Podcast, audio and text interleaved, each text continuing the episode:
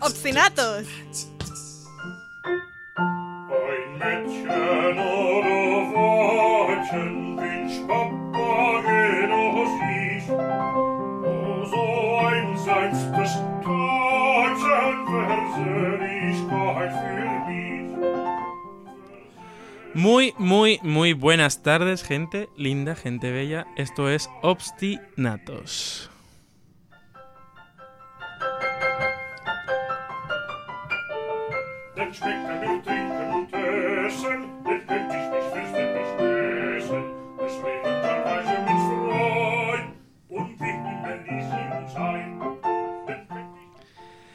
Bueno, hoy estoy yo presentando, y no justamente porque Jordi no esté.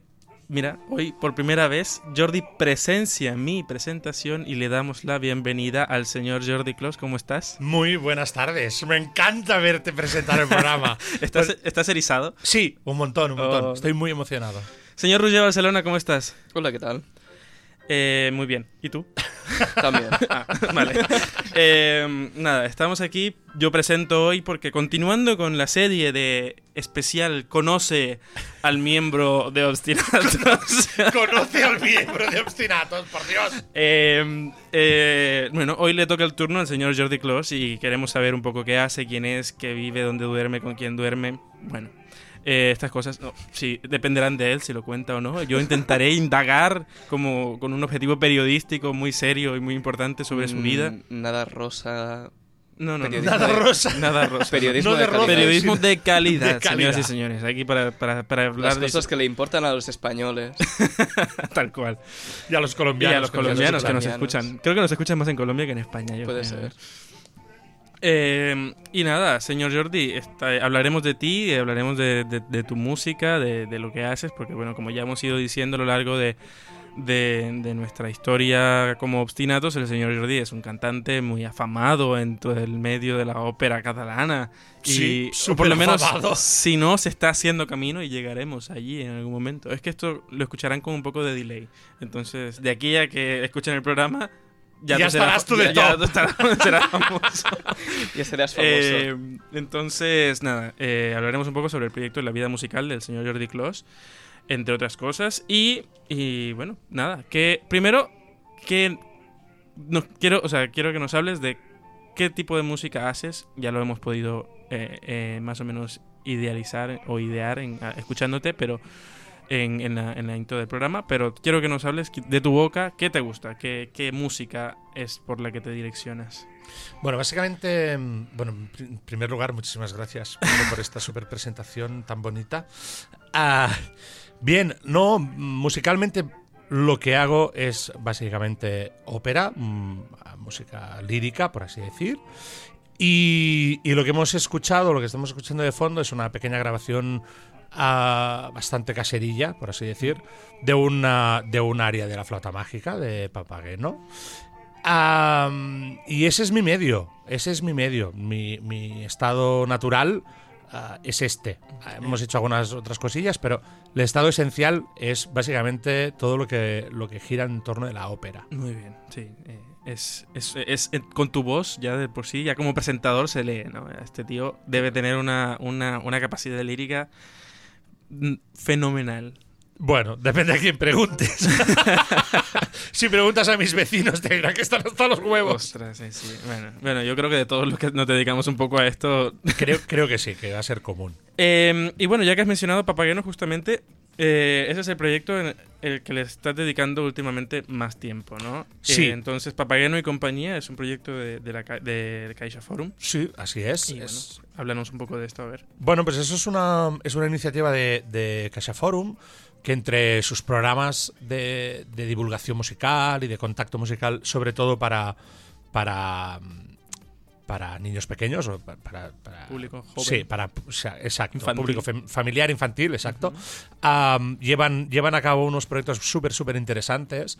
Y entre, entre uno de esos hay Papageno y compañía. Es un, es un espectáculo familiar en el que, bueno, pues un poco hay un llega al público en un espacio que podría parecer pues una sala de- del siglo XVI, del siglo XVII, llena de espejos y tal, así todo como un poco recargado. Y, básicamente pues entran unos músicos, también vestidos de época, tal, empiezan a tocar y de ahí ah, ellos tocan un fragmento de la obertura de la flauta mágica y aparece Papageno ahí en medio. Sí, sí, he estado, ¿eh? Yo recomiendo mucho este- Cierto, este, este, cierto. proyecto que está muy bonito y que la verdad yo creo que incluso para los que no son niños eh, es bastante divertido de ver. Además, demuestra aquí Jordi sus habilidades no solamente de cantante, sino de actor y de, y aquí de intérprete. Sí, ahí, ahí hay una dosis importante de, de acting. Y mira que es difícil, ¿eh? Porque, joder, con adultos igual, como que igual te lo tragas, pero eh, tienes que hacer divertir a niños y esto ya tiene su ciencia y, y es- no es para todo el mundo. Así que yo lo recomiendo, de verdad. Que vayan, eh, bueno, ahora no sé si podrán, aquí en Barcelona al menos no sé, porque tú te vas de gira y Sí. o has estado o estarás de gira. Entonces cuéntanos un poco también sobre eso. Por Bueno, es- eso empezó, empezó, estrenó en Barcelona, pero estuvimos ya en Palma de Mallorca. Estuvimos, creo que. Digo estuvimos porque el equipo ah, somos cinco músicos en escenario, pero en realidad somos diez. O sea, estamos duplicados porque la cantidad de, de funciones que hay programadas ah, da para tener dos, dos cast, por así decir. Y, y nos tornamos. Pues realmente hay mucha programación. Casa Forum es, un, es una plataforma muy, muy importante y, y tiene muchísimos contactos. De hecho, eso, hemos estado en Palma de, Ma- de Palma de Mallorca, pues he estado en Madrid también una semanita. Ah, pero bueno, se ha podido ver también en Zaragoza, en Lleida, en Tarragona. Vamos a estar en Girona. Probablemente volvamos a estar en Barcelona algunos días, a pesar de que las fechas aún no están cerradas. Y creo que luego ya es Cádiz. Bueno, vamos a estar moviéndonos por todo el territorio español. Muy bien, muy bien. Bueno, qué, qué maravilla además en todos los idiomas. Porque, o sea, es, es una adaptación, ¿no? El proyecto es una adaptación de la música de Mozart a- Sí, de hecho- al catalán y sí. me imagino que al castellano también, ¿no? Exacto, es una obra de, de, de Albert Gumi, que es un compositor y clarinetista ah, genial, ah, catalán, es profesor de, del SMUC. Y, y él hace, este proyecto lo inició hace 18 años. Wow. Sí, sí, sí, fue una primera edición. De hecho, él estaba en la orquesta, toca, en la orquesta, en el grupo de músicos tocando, y, y lo hicieron, estuvieron bastante tiempo, pues también en producción de Casa Forum, y 18 años después retomaron el proyecto desde Casa Forum y se les solicitó si podíamos rehacer ah, otra vez ese, esa, esa historia, este, este pequeño fragmento. Y así se hizo, se hizo a través de Casa Forum, a través del Impresa Management y con la dirección de Xavier Erra, que es un, un director y, y escenógrafo, Escenógrafo. increíble que realmente ha currado un montón con nosotros y ha conseguido, yo creo que una historia súper redonda, súper bonita. Fácil de escuchar también. además, Absolutamente. Y muy linda. De, o sea, la verdad es que sí, yo, yo, yo que he estado y lo puedo corroborar. eh, hay como, o sea, está muy bien currado y es un trabajo que, que vale la pena ver porque es, es de un nivel bastante bueno y que, que es digno de, de- de que toda la familia vaya, de que incluso si te gusta ya de por sí la música eh, lírica y te gusta un poco la interpretación, el teatro musical, porque tiene cierto nivel de teatro, no es, no es, una, no es una obra de ópera como tal, No, no, no, Obviamente. exacto, exacto, exacto. es Hay diálogo, se teatro, habla, se... es más sí. teatral. Así que es algo que da mucho gusto de ver, es gracioso, es entretenido. Eh, Yo, yo de verdad lo recomiendo un montón. Y bueno, señor Jordi, ¿qué, qué, qué necesita una persona para dedicarse a esto? Al mundo de la ópera y el canto lírico. En cuanto a la capacidad técnica, en cuanto a ¿Qué las horas de estudio, de trabajo, ¿cómo, ¿cómo se prepara un cantante de música lírica? Pues depende mucho del tipo de personaje que seas, pero sí, indispensable un buen profe.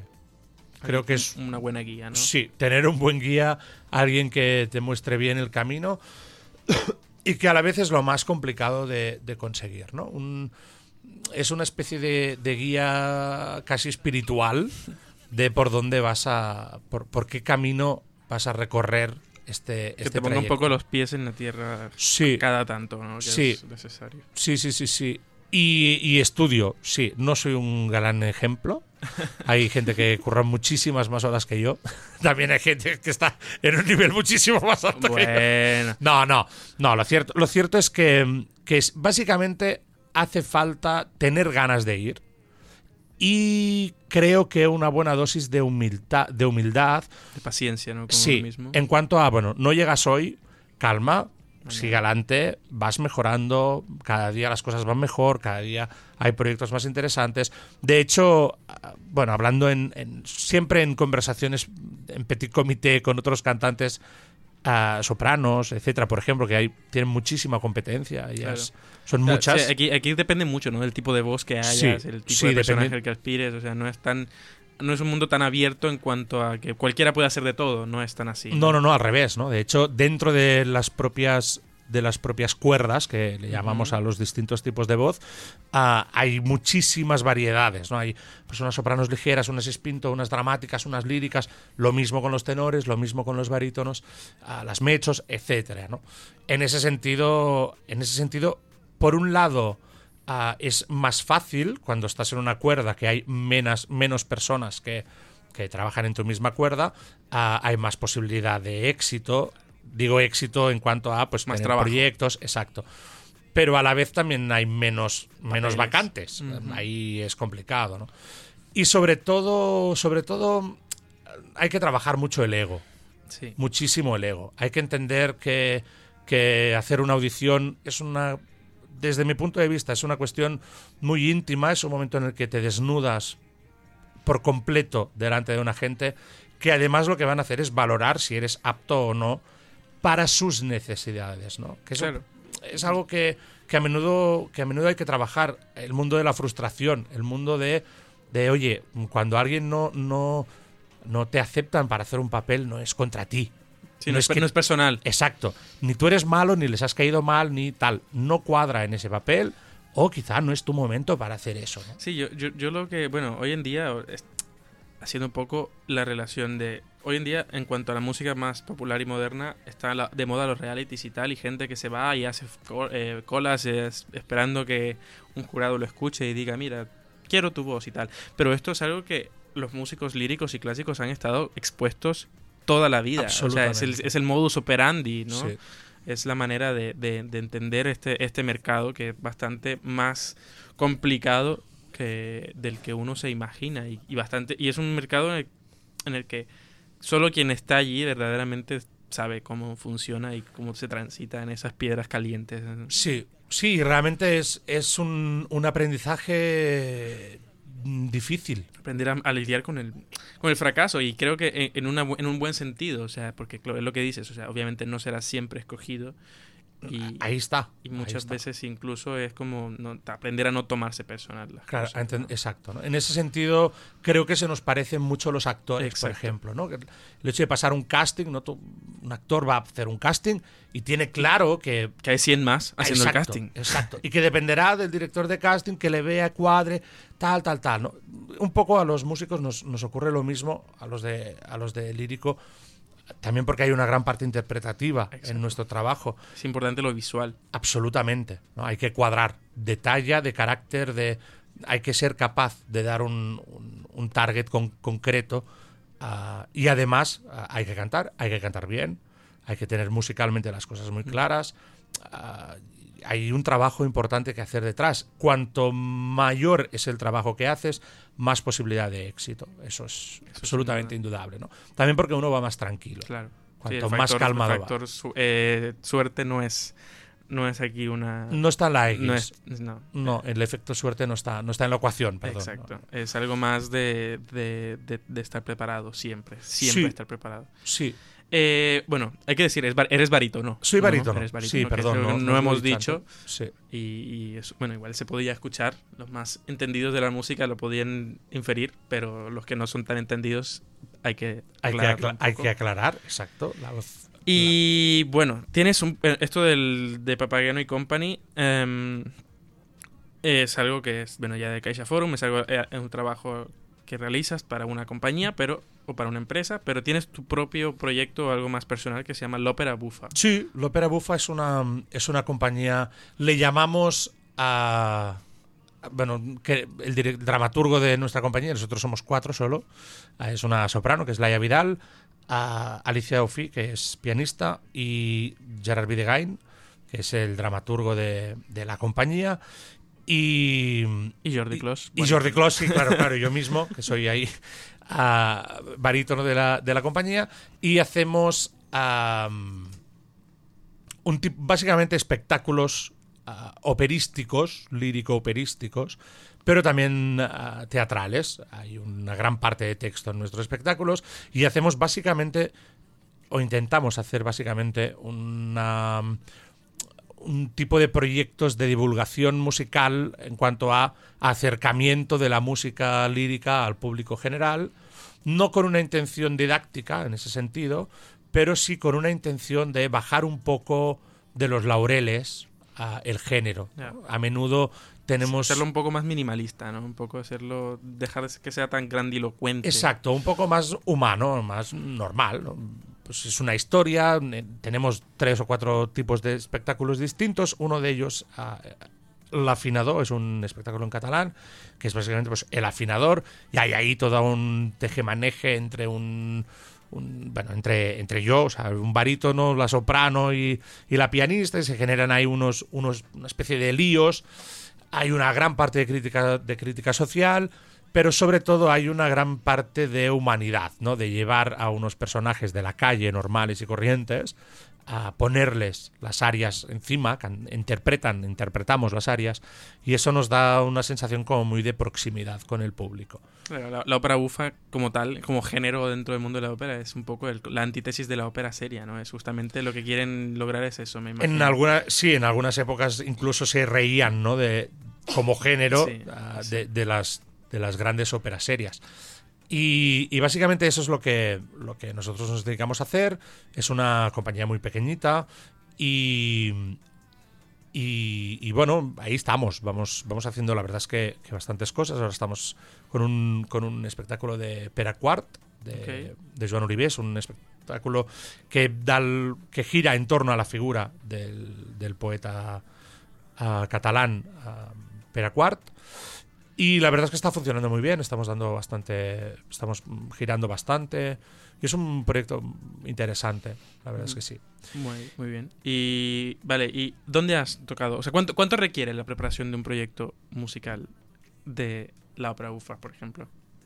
Mira, uno de los proyectos más, mm, o sea, nuestro buque insignia, que sería este, sería el afinador, es un proyecto que estuvo cociéndose durante un año aproximadamente.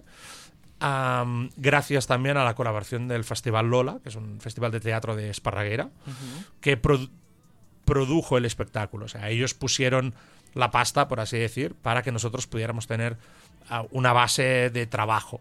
Es decir, ah, crear desde cero, que es el caso del afinador, es, un, es una cuestión que requiere mucho ensayo, que requiere, que requiere mucha dedicación y hay muchísimas compañías que lo hacen a coste cero, ¿eh? es decir, creas un producto y luego vas a venderlo ahí donde estés. En nuestro caso tuvimos la suerte de poder contar con el Festival Lola y con lo cual ya sabíamos que teníamos unas funciones y había ahí... La financiación. ah, sí, sí, y eso es, es clave. Claro. Es- porque, bueno, porque son muchas horas y hay muchas cabezas pensando ah, para llevar a, a cabo un proyecto. En este caso, este estuvo un año más o menos cociéndose y finalmente pudimos estrenar, hicimos ah, un par de dobletes en, en Esparraguera, luego lo vimos también en Gosul. Bueno, estuvo, estuvo ahí. Moviéndose. Sí, sí, sí, sí, sí. Qué bien, qué bien. Bueno, o sea, es, es lo que hablábamos también en, en programas anteriores, ¿no? O sea, toda esta, todas estas cosas que eh, generalmente son de propuestas independientes, que nos tienen detrás un gran mercado, un gran... requieren de mucho esfuerzo, más incluso que, que quien tiene igual todo relativamente resuelto en cuanto a apoyos económicos y tal.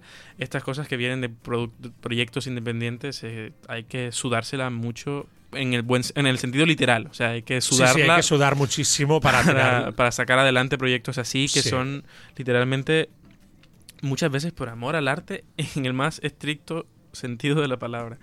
Entonces, claro, contar un poco con esa suerte a veces de la financiación, de gente que crea en uno y que lo apoye, es, es valiosísimo. Por eso es insistiremos siempre y cada vez que tengamos y que traigamos este tipo de propuestas aquí a la, a la, a la a Obstinatos, diremos que no, no, no piensen tanto en gastar dinero a la hora de ver a artistas independientes, porque gente a lo mejor muy talentosa que, que no tiene un apoyo económico detrás y que le ha tocado con sus uñas rascar para poder tocar donde está tocando y estar donde está y llegar a donde ha llegado y comprar instrumentos y eh, horas de estudio, pagar un espacio para poder ensayar, etcétera, etcétera, etcétera, etcétera, etcétera. Y creo que en este sentido es muy interesante, no, no solo por nosotros, ¿eh? no solo por la compañía, sino en general, son proyectos que acostumbran a ser mm, muy reales, muy, muy sinceros. Sí. Es Muy decir, de, la carne, o sea, es, es- ahí está, ¿no? Tienes delante la persona que, o las personas, no solo que están ejecutando, sino también que han creado y que, Que han, gestado. sí. todo- Es- todo es este un proyecto, proyecto. que viene directamente sin filtros casi. Exacto. Es como, bueno, como agricultura de kilómetro cero, pues a nivel cultural. Y eso, desde mi punto de vista, como, como, como oyente, ¿eh? como, como consumidor. Exacto, como consumidor, para mí es un plus siempre súper añadido. Es Sí. decir, es que eso es Sí, no, auténtico. no- no ha pasado por un filtro industrial de, bueno, es que esto a lo mejor gusta, esto a lo mejor no, no, no. Esto es lo que yo como artista quiero hacer. Sí. Es lo que me nace a mí como creador o como intérprete hacer de la nada porque es una idea musical, artística que me ronda y así es como, como nace el arte, así es como nacen nuevas cosas y nuevas propuestas musicales. Absolutamente. Y bueno, hablando de eso también, eh, no solo de la creación, sino de la interpretación, has, has hecho parte de un, pro- de un proyecto de, de recopilación histórica, que es un CD de Pungilupi, o Pongilupi, perdón. Miquel Pongelupi. Sí, Exacto. efectivamente. Tuve la suerte de, de a través de, de Alicia Daufi, que de hecho Sí. ya casi que os la Sí, sí, presentamos. sí, ya la hemos mencionado dos veces. Ya la hemos y mencionado dos veces. y la tenemos en el estudio. Sí, muy bien. Un fuerte aplauso. Y ¡Bravo! no la habéis saludado. No, todavía No, no, porque yo- la idea era traerla y Claro. que entrara y Era, que, claro, era la fuera. sorpresa. Esperábamos tus aplausos, pero vemos que no. Espera, pon- Me refería a los, a los digitales. Lo siento. Ahora sí. Buenas tardes, Alicia, ¿cómo estás? Buenas tardes, Eh, muy bien, estoy muy bien aquí. Estás muy bien aquí. Muchas gracias. Dicho, dicho esto, y sabiendo ya que, que tenemos a Alicia en el estudio, ah, Continuamos con la te idea con- del sí, proyecto te- de te Pongilupi, respondo. En el, en el que imagino que Alicia ha participado. efectivamente. Ok. He participado. sí. Am, efectivamente, de hecho, y- yo pude estar en Pongilupi o, o estuve colaborando con Pongilupi, con Suono Pongilupi, que es el nombre de la, de la asociación, del colectivo que está llevando a cabo este proyecto, a, a través de Alicia. Alicia y yo nos conocemos a nivel profesional, pues ya porque ya hemos estado haciendo distintos proyectos y porque es la pianista de, del Ópera Bufa. Y, y de hecho, quien inició este, este proyecto, que es un proyecto súper interesante de recuperación de la música de un compositor de- del siglo XIX. Finales 20. del 19, principios, Principios del del 20. 20. sí. El romanticismo catalán, ¿no? Un poco. O el, po- el romanticismo tardío de Cataluña. Sí, El modernismo, más bien, ¿no? más siglo XX, porque al final coge muchas inspiraciones distintas. Ok, ok. Am, eso, el Suono Pongilupi es la plataforma que está llevando a cabo esta recuperación. Es un compositor catalán de, del Papiol. Y bueno, el hecho es que a través de Alicia me propusieron este, este año colaborar con ellos y grabar unas piezas de, para voz de Miguel Pongilupi.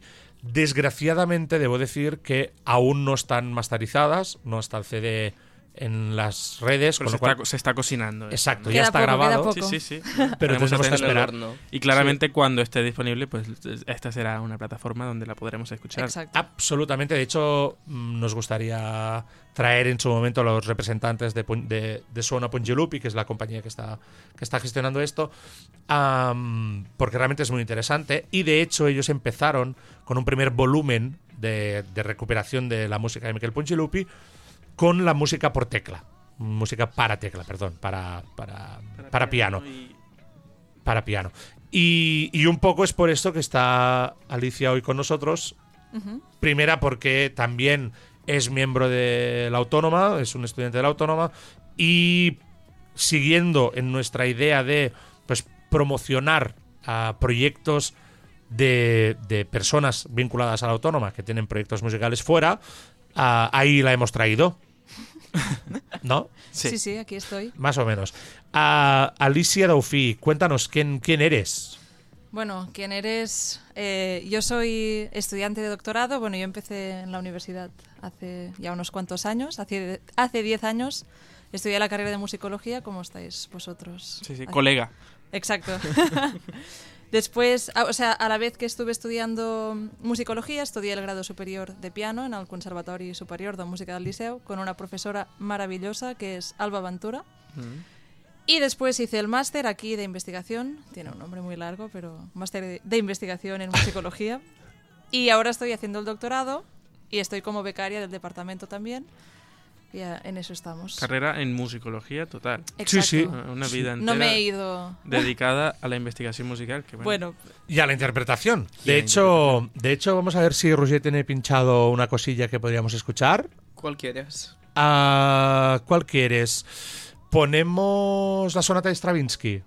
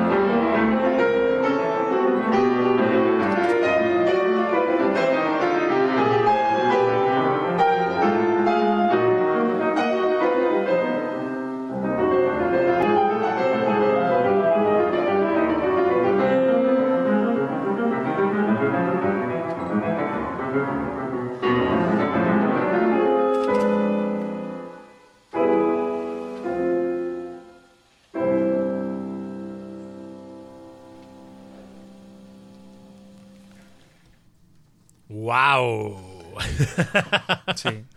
Am, eso no es Pongelupi. no, eso es Stravinsky. De hecho, es una grabación en directo. O sea Hemos oído algún clec clec de una, de una cámara, clic, creo. si hay algunos sí, sí. ruiditos de fondo. Eh, sí, esto de hecho es la sonata que toqué en, en mi recital, bueno, una de las piezas que toqué en mi recital final de carrera y es un concierto que di unos meses más tarde, después del recital. Y bueno, es, un, es el primer movimiento de la sonata Stravinsky que la encuentro maravillosa e invito a todo el mundo a escucharla entera. Son tres movimientos, o sea, muy bonita. Maravilloso.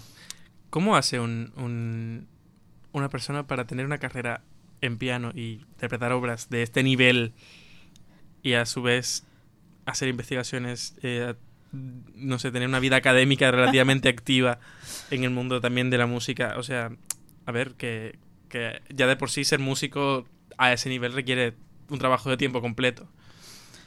¿Cómo, Bueno. cómo- Es la gran pregunta. es la pregunta de mi vida esto, de hecho.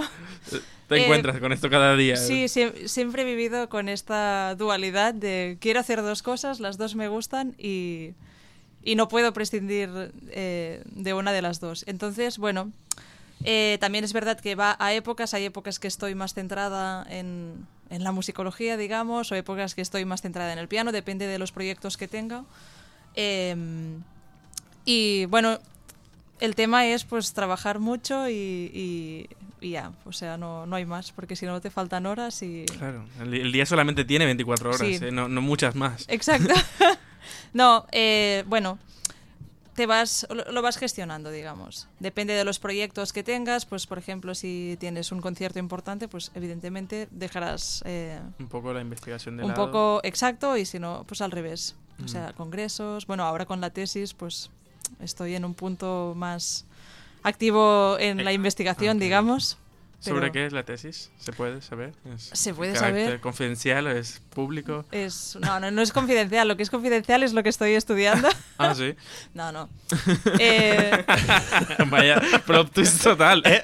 que te quede claro. no, o sea, no- voy a dar da- Detalles, claro, datos. obviamente, Exacto. pero- No, mi tesis eh, gira al entorno de los bailes de máscaras que se celebraban am, durante las temporadas de carnaval en el Gran Teatro del Liceo, desde su creación a mediados del siglo XIX hasta inicios de la Guerra Civil.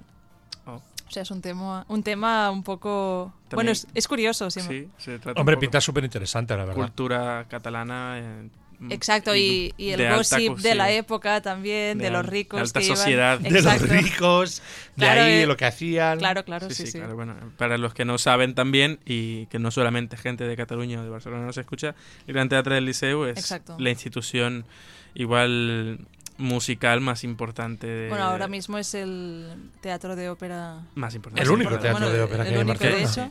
Cuando nació había más teatro, o sea, había otro teatro de ópera. Sí. El de la Santa Creu. al Teatro de la Santa Creu. exacto. Muy bien, ahí, Sí, muy sí. bien, Ahí, Pedro. Te estando vemos, atentos en clase. Totalmente. te, vemos a- a- te vemos aprobando la asignatura de De ópera. Y con creces, ¿eh? Eh, sí, sí, atento, atento. Y claro, el Gran Teatro del Liceu es, es, una, es, una, es una figura como institución también no solo de la música, sino de la sociedad catalana y que em- ha tenido como mil historias y, y, y del que se, es digno estudiar y saber y, y visitar. O sea, ojalá que quien venga aquí en algún momento tenga la posibilidad de ir al Teatro del Liceo y escuchar una ópera o una lo que sea allí. Lo recomendamos, sí, sí. Absolutamente. No, y encima también, volviendo al tema de mi tesis, es interesante ver el, el objeto de estudio de estos bailes de carnaval, para nosotros ahora mismo tampoco es algo... Muy, Muy al, al- import- al alcance de la... No, y, y que tampoco se da... Bueno, que no se celebran ya. No. Bueno, ¿no? sí, algunos sí que habrá, Sí, pero, pero que, que- no, no toma la importancia que tenía en esa época, porque evidentemente no solo se daban en, en el Gran Teatro del Liceo, sino en muchas otras sociedades o también en casas particulares. Eran unas fiestas muy esperadas, o sea, el carnaval era una fiesta muy esperada y, y se daba en muchas partes, lo único que en el liceo pues ha habido... Era un- el gran evento, ¿no? eh, O sea, eran los grandes eventos y encima se ha conservado la documentación eh, Mm. totalmente, o sea, Está, está, intacto todo. Está intacto a pesar de haber mm, De los de los incendios. incendios. O sea que hay mucho material y por eso puede dar mucha información de cómo era este estos eventos en la época en Barcelona. Interesante. Qué guay, qué interesante. Sí. ¿Y musicalmente?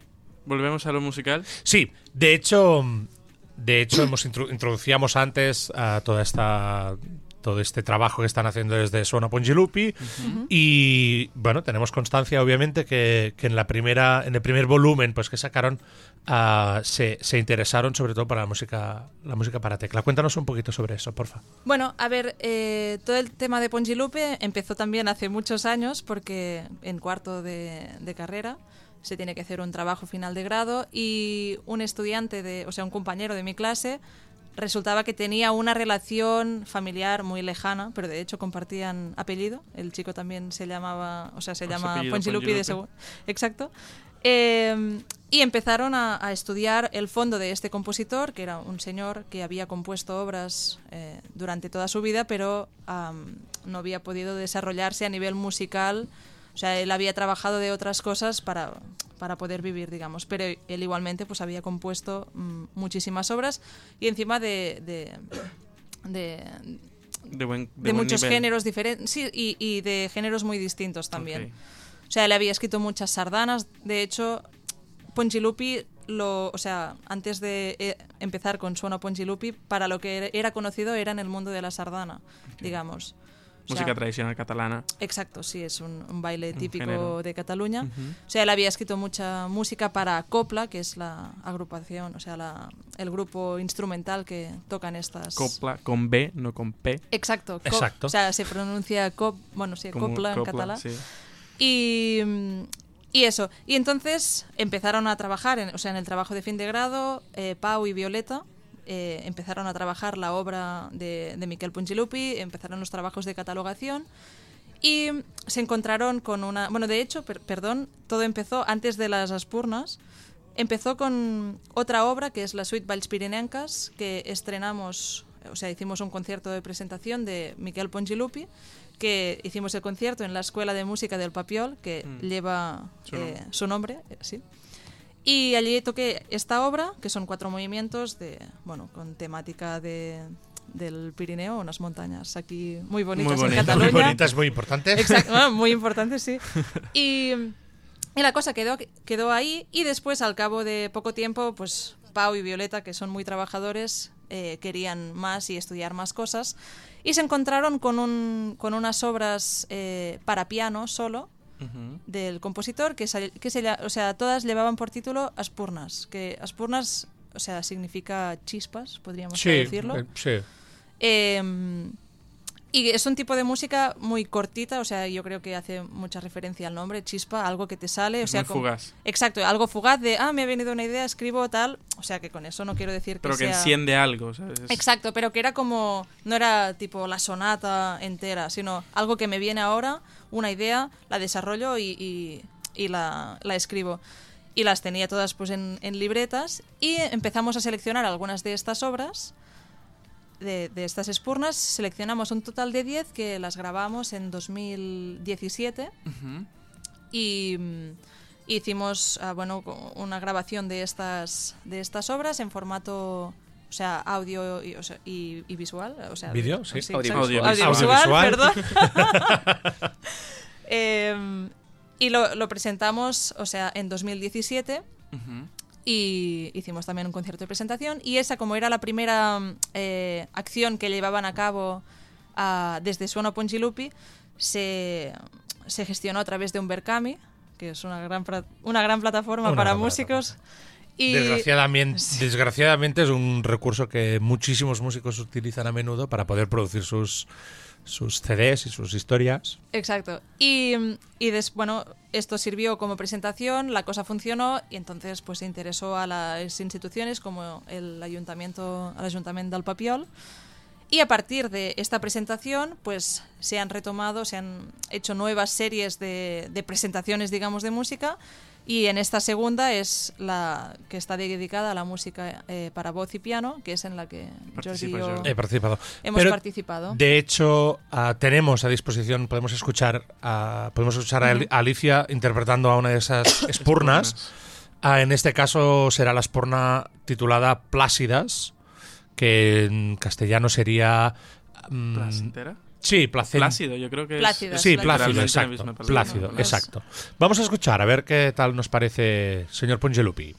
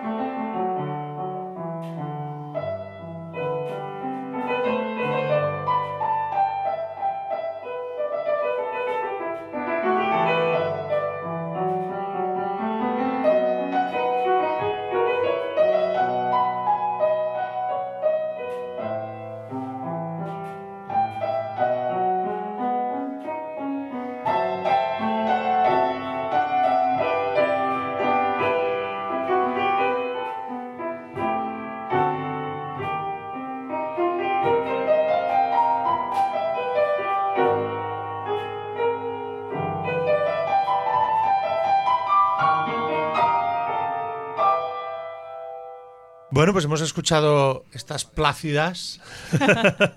Total. Eh, tengo una pregunta. Bueno, Dime. uno, una apreciación. O sea, como, como musicalmente me parece música muy, muy. Bueno, musicalmente me parece piezas muy interesantes en cuanto a que, claro, todos lo- los recursos son evidentemente de este siglo.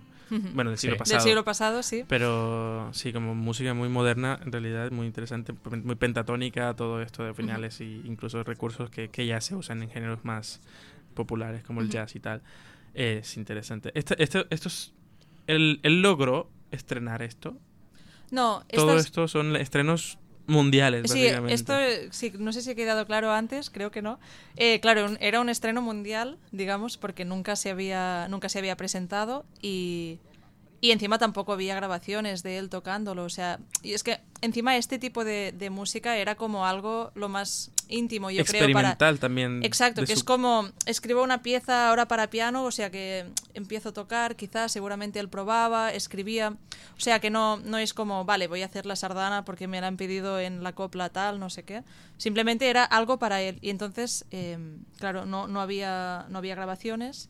Y eso también fue un reto interesante de decir, vale, mm, ¿cómo Y- lo tocamos? Claro, y era música, y es música que encontraron, por ejemplo, en manuscritos, o sea, Sí. no, no era como En que... unas, él, tenía unas libretas, encima, si es- se ven las partituras, es, está, o sea, tenía una escritura muy limpia, era muy claro. Y, y sí, sí, o sea, era- eh, esto ha salido a la luz, no, no Y existía. no, había, y no hay ningún, eh, ¿cómo se llama? Registro de que él, toca, él tocaba, Sí, sí, él era pianista. Pero esta música, por ejemplo, en particular, estas Bueno. chispas, no, Han- no- o sea, con las no, no hay registro de que esto sea Con las ella. entrevistas en la familia que han hecho, o sea, él- ellos no conocían, o sea, no, no sabían de esta música, que quizás la habían escuchado seguramente, pero no, ellos no tenían constancia de, ah, sí, esta es Plácidas o esta es la Espurna primaveral, por así decirlo. eh, Era más algo íntimo. Personal, sí, Personal. de, bueno, pues... Guau, Sí, qué, sí. qué lujo.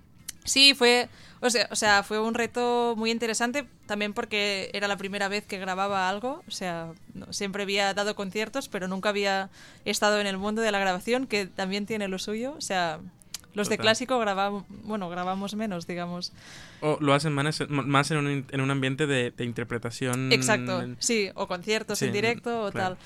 Y, y fue súper, bueno, me gustó mucho por la parte más técnica de estar ah, grabando, o sea, de estar grabando con el sonólogo allí controlándolo todo. Y después, obviamente, por el hecho musical de, de decir, esto lo estoy tocando yo por primera vez en público y, y a ver qué opción don, o sea, qué, opcio- qué opción musical doy, porque es como la primera que se da y a Es partir la primera de aquí... interpretación. Claro, está sentando, Pública, sí, sentando claro. precedentes. Exacto. Y, y fue un reto interesante y encima con una carga de responsabilidad, evidentemente, porque tenía, o sea, bueno, siempre todo se tiene que hacer con responsabilidad, pero en ese caso, eh, bueno, estábamos dando a conocer algo que no se conocía y se tenía que hacer con el máximo rigor posible y, o sea que, bueno, yo estoy muy un, gran reto y Exacto. No, no, fue súper, eh, bueno, eh, motivador, me imagino. sí, todo. motivador, un challenge, digamos. Qué guay. Un challenge. challenge. De no, hecho, no te nos mueras, Jordi. es de la emoción. Has estado... Sí, claro. me Se me ha contagiado la, la emoción. Am, bueno, además, escuchando el material, ah, vemos que además hay como un- mucha diversidad de, de- de estilos, son unas composiciones... Sí, No son simples. O sea, no es música... O sea, es música que es- se nota la carga un poco de intimidad, o sea, en cuanto Sí. a la ejecución más bien sencilla, suave, de, de música para una persona. No es, no es enérgico, me refiero, no es Mm. algo que, que- que quiera, que, quiera hacer ruido de alguna manera, sino que se nota la, la- Mm. el cargo- la carga de intimidad, pero no es música... O sea, se nota un poco también lo- lo- la influencia del, del mundo moderno. Hmm. Y Sí, sí. Bueno, y encima, de o sea, no las escucharemos todas, pero sí que es verdad que pues hay este punto más jazzístico. También en otras había el reflejo de la sardana clarísimamente allí. Y, y después también había una muy interesante que era más atonal. O sea que, bueno, yo creo que Ponchilupi, claro, formaba parte de una época en que, en que se, en que había diferentes gustos musicales, entonces él estuvo bueno, dispuesto a, a, a probarlo Exacto, todo, sí, a pasar sí. por cualquier lado. Mira, un poco la ventaja de alguien que a lo mejor no tiene la, la responsabilidad de, de publicar musicalmente algo de manera, o sea, se dedicaba a otra cosa, ¿no? Hmm. No- sí, no sí, él tenía una tienda Y Claro, era una persona que se daba el lujo de, de alguna manera de experimentar. Mm, Bueno, y de hecho sus hijos siempre cuentan que él estaba siempre con la libreta escribiendo y eh, o sea, cuando podía en el piano y él también era profesor, daba clases daba clases de piano también. Mira. Y de hecho, bueno, es- se ve, ¿no? También viendo todo el material que, que desde Suona Pongilupi editaron y el documental que, que crearon para sí, presentar ah, esta- estas obras, ah, ve- ves también que las espurnas en concreto son algo como muy íntimo. Sí. Que no, que no tenía intención de proyección. ¿no? Creo Sí. que es algo como que, Era que para él escribía. Sí. Entonces, es una música mu- muy, íntima. Es que es súper. Qué bueno, bonito. pues a mí me, me sorprendió muchísimo escucharlas. De hecho, podemos, podemos escuchar otra de las espurnas de Miquel Pungilupi, en este caso la Barcarola. Luego, luego Alicia nos, nos puedes comentar alguna cosilla sobre ello. Vamos a escucharlo.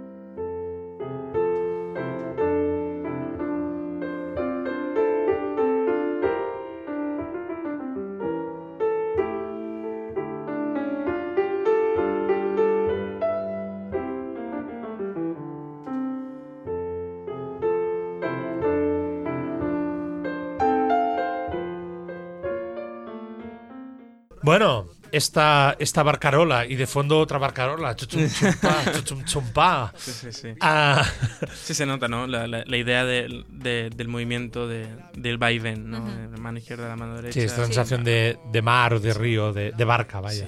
Sí, sí, sí, qué bonito es. Es, Sí. es bastante, ba- bastante, bueno, para mí es un descubrimiento, yo estoy fascinado. Sí, bueno, eh, eh, es distinta que la, que la otra, que era quizás un poco más jazzística, digamos. Está, yo creo que esta es muy, eh, muy Pongilupi, porque de hecho estas, eh, o sea, todo el rato eh, estos ritmos de izquierda a derecha, estas eh, semicorcheas, eh, corcheas, perdón, eh, es muy típico de, De su música. de, de su música, o sea... Te lo encontrabas bastante sí, regularmente. Sí, es como ves claramente su lenguaje, pianístico sobre todo. Sí. Sí, sí, sí. Qué bien. Y bueno, hemos hablado de piezas que no solamente, o sea, no solamente compone, bueno, compone sardanas y no solamente compone piezas para piano, también Bueno, también hizo música escénica. Sí, de hecho es que hizo un montón de Sí, cosas. sí, o sea, también en, en- en- bueno, eso mejor cuando Cuando invitemos a, a Pau y a Violeta Pau y a, a venir al a programa. Violeta esto os lo, os, lo, os lo explicará mejor porque yo domino más del tema piano, claramente. de su música, pero Pero sí hay constancia de que, Sí, de sí. que, es- de que es un- de que estrenó alguna obra en muchísima- algún teatro del paralelo. Pero Ah, Sí, sí, sí. sí, sí, escribió, escribió de todo este, Y, este y, buen hombre. y se ha vuelto a tocar música de él, o sea, se, se sigue, no sé, en, en su con esta fundación, me imagino que andan en pro de que la gente siga haciendo su- Exacto. Su, música y Eh, sus cosas. de ¿no? hecho, en gran parte la, la- la transcripción de estas obras, en ese caso de las espurnas, porque también es una, son unas piezas para piano que no son muy difíciles de lectura, digamos, se propusieron para también para que los alumnos de la escuela pudieran estar en contacto con bueno con el o sea, el compositor que lleva el nombre Claro. de su escuela de música y creo que han empezado a tocar algunas cosas am, Qué bien, o sea, yo- que es una pena que, que a lo mejor no, no tuviera la- la- el protagonismo en vida, pero, pero de todas maneras es una alegría que se recupere esta música y que... Mm. Sí, y porque además, que eso es una cosa que, que Pau y Violeta también comentan a menudo, hay una parte de no solo de recuperación de la propia figura de Miguel Pongilupi, sino también de, de un de una de un tipo de producción musical ah, local que hay en- hay muchísimos casos, ¿no? O sea, Sí. forma parte de, de la historia de este país también ah, este tipo de compositores que no necesariamente eran súper conocidos, que no necesariamente su obra ah, tenía que ser grandilocuente o, o para escuchar todo el mundo, pero es, es una... Pero es algo que seguramente es recordado por los suyos, por los cercanos, por gente de su zona. O sea, Claro, no, claro. es una persona que participó activamente dentro de su sociedad y es bonito que, que también su legado se mantenga y, y no, y no muera. Y nos ayuda a entender un poco el, el corpus de, de obras y de compositores. De Y la- de gente que, que no era necesario, claro, porque es de lo que si- siempre hablamos del canon de Granados o de o, en ca- o a, o a gran escala de Mozart, Beethoven. Y claro, estos músicos vivían de- manera especial, o sea, no, no, no podemos entender la vida de un músico. Bueno, es esta microhistoria de, de, de la historia general, ¿no? De- o sea, que también... O sea, no, no podemos entender que, por- no podemos creer que Beethoven, por ejemplo, era el, el, El común, de- el común denominador Claro. de los músicos de No, su época. Obviamente. Al, igual que no podemos pensar que, por ejemplo, Granados es el común denominador de los músicos catalanes en general. Entonces, mucha gente tenía que, bueno, dedicarse a otras cosas y en su intimidad y en su tiempo libre y en su momento aportarle a la sociedad o a su mundo la, la música que tenían dentro. Y eso me parece muy bonito y muy, muy rescatable. Y que a menudo, a menudo es eso, ¿no? Te das cuenta también de que, que el- no todas las obras, ah, o sea, no solo las obras de grandes compositores transmiten cosas, ¿no? Toda la música transmite cosas, Mm. Todas las pequeñas composiciones hechas con gusto, con, con cariño, Con amor. llevan una carga importante de emoción que te llega exactamente igual, ah, sea de Mozart, sea de, de quien sea. O de Miquel Pongilupi. O de Miquel Pongilupi. Y eh, vaya, creo que es un- una iniciativa súper interesante y, y que deberíamos, deberíamos apoyarlas, ese tipo de iniciativas. Bueno, para eso forma- estamos como musicólogos también. Ahí- Exacto. ahí Es estamos. nuestro deber. Como se nos va cortando el tiempo, Roger ya nos va haciendo algunos gestitos. Mm, creo que quizá valdría la pena escuchar la última, la última espurna que teníamos preparada para, para enseñar a los oyentes. En este caso se llama espurna primaveral. Y lo mismo, vamos a escucharla y luego a ver qué, A ver qué decimos.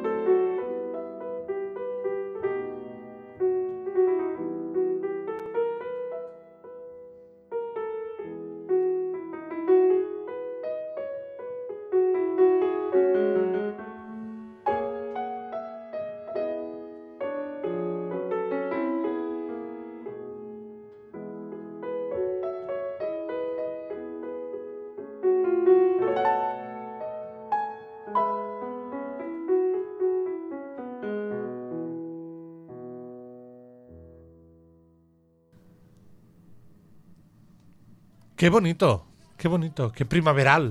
Sí, bueno, y la cosa esta de que la primavera es imprevisible, el menor de la segunda parte, de Sí, las sí. tormentas, digamos. Se nota. Bueno, y la, la pentatónica que le gusta a este chico. eh. A este chico, sí, a este, a este chico muerto hace ya Una- un poco un siglo. un, po- sí, un poquito, le Eh, gustaba la petatónica. Sí, sí. Y bueno, qué, qué- qué lindo. Que ojalá que, que música así no, no muera. No muera nunca. Esperemos que no. Dicho, dicho esto, y ya para ir cerrando un poco todo este apartado y también el programa de hoy, Alicia, ¿qué más? Que, que sabemos que hiciste hace poco un concierto en MEAM. Sí, ¿Qué estás, qué está, qué estás cociéndonos? Bueno, ahora mismo, eh, pues seguir. eh, di un concierto en MEAM con una violinista y pues seguir am, buscando más cosas, o sea, seguir con el proyecto porque estamos muy a gusto y, y- y seguir estudiando, dando bolos, estudiando, dando bolos y así. Muy bien, muy bien, muy bien. Pues muchísimas gracias por venir al programa, por traernos a la figura de Miguel Pongilupi, abrir las puertas también a que, a que conozcamos uh, más adelante también a, a Suona Pongilupi, esta iniciativa. Y, y nada, bueno, Pedro, me, me he apropiado del, no, de la conducción del programa, sí, pero no pasa finalmente nada. Si sí, quieres, un poquito. Yo digo um, lo de siempre, que no nos dejen de seguir en Obstinatos, en Instagram, en Facebook, en Twitter. Eh, eh, otra vez recordarle a la gente que, que, estamos abiertos a escuchar propuestas musicales de la Universidad Autónoma, así que si nos escriben a lo que sea, a nuestro correo también, que es obstinatos arroba... Exacto, obstinatosuave.gmail.com y eso, que, que, estamos, que queremos escuchar lo que la gente hace en la universidad y, y que la, los UAVers los Wabers. Somos gente talentosa que propone cosas chulas y Hashtag divertidas. Y viu la UAP. Viu la UAP. Y bueno, y, es, y, nada, y cada jueves a las 7 de la tarde en el 100.3 de la UAB Radio nos pueden seguir escuchando. Pues con estas super informaciones y, y, las gracias otra vez a, a Alicia por bueno, estar aquí. Y a, a, ti, vosotros. y a ti, Jordi, por y a mí por estar también. Me doy las gracias. Tu, tu conocimiento musical sobre los cantantes de, de música lírica y de música cosas de estas de, de, del demonio. Muchas gracias. Dicho esto, nos vamos escuchando el tercer movimiento uh -huh. de la sonata que escuchamos al inicio de Stravinsky. Os decimos uh, que tengáis una buena semana. Nos vemos la semana que viene ya con todo el equipo al completo y a por todas. Hasta luego.